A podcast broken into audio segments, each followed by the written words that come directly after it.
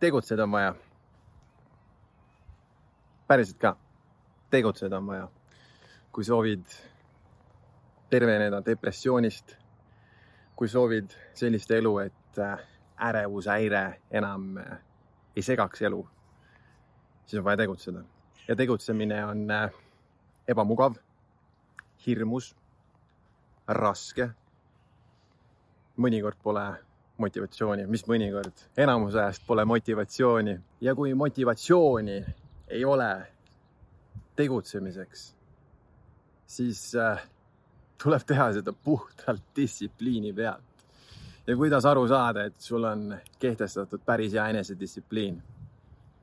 sellest on võimalik aru saada just sellel viisil, et sa tegutsed olenemata sellest, mis tunne sul on olenemata sellest, kas sa tahad tegutseda. sellest saab aru, et sul on distsipliin, et sa toimid distsipliini pealt. ja enamus ajast meil nagunii ei ole motivatsiooni millegi tegemiseks, see tuleb ja läheb. distsipliin on see, mis veab edasi ja motivatsioon tuleb tegelikult tulemustest. ja tegutsemine on jällegi kõige alus. nii et tuleb tegutseda, et depressioonist terveneda, et ärevushäirega kohaneda nii, et see enam ei sega sind ja muutused on hirmsad, sest reaalselt peab hakkama käituma teistmoodi, mõtlema teistmoodi, muutma enda väärtushinnanguid, uskuma, et muutus on võimalik isegi siis, kui tulemusi pole tükk aega näha. ja see kõik eeldab tegutsemist. sest me võime teoorias mõelda kõige, et ah, kui mul oleks see, siis mul oleks elu nii hea ja kui ma oleks see inimene, siis mul oleks hoopis teine elu.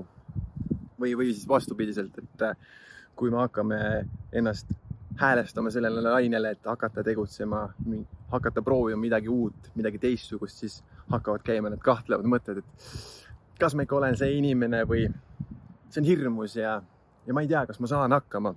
aga kes see need piirid seab?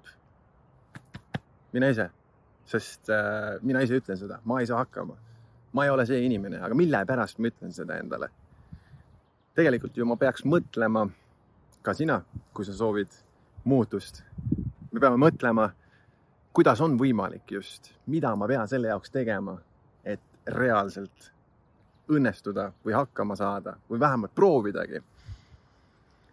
ja see kõik hakkab pihta tegutsemisest, sest reaalselt teoorias me võime mõelda ja heietada ja mõelda terve elu endale välja, aga kui me ei tegutse, siis ei juhtu ka mitte midagi ja pigem esimesed korrad, esimesed katsed võivadki esi, ebaõnnestuda, aga seal ongi see õppimise koht just.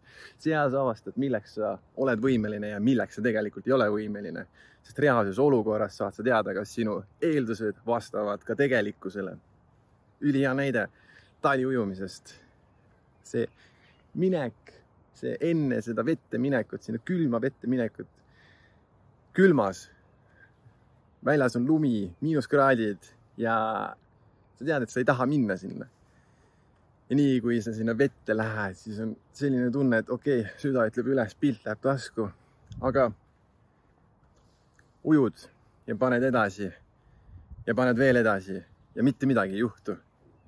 tunne on küll selline, et ei taha, aga pärast on nii fucking hea olla lihtsalt.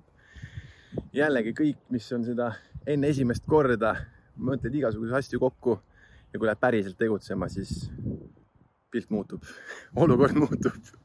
Ja sellepärast ongi vaja tegutseda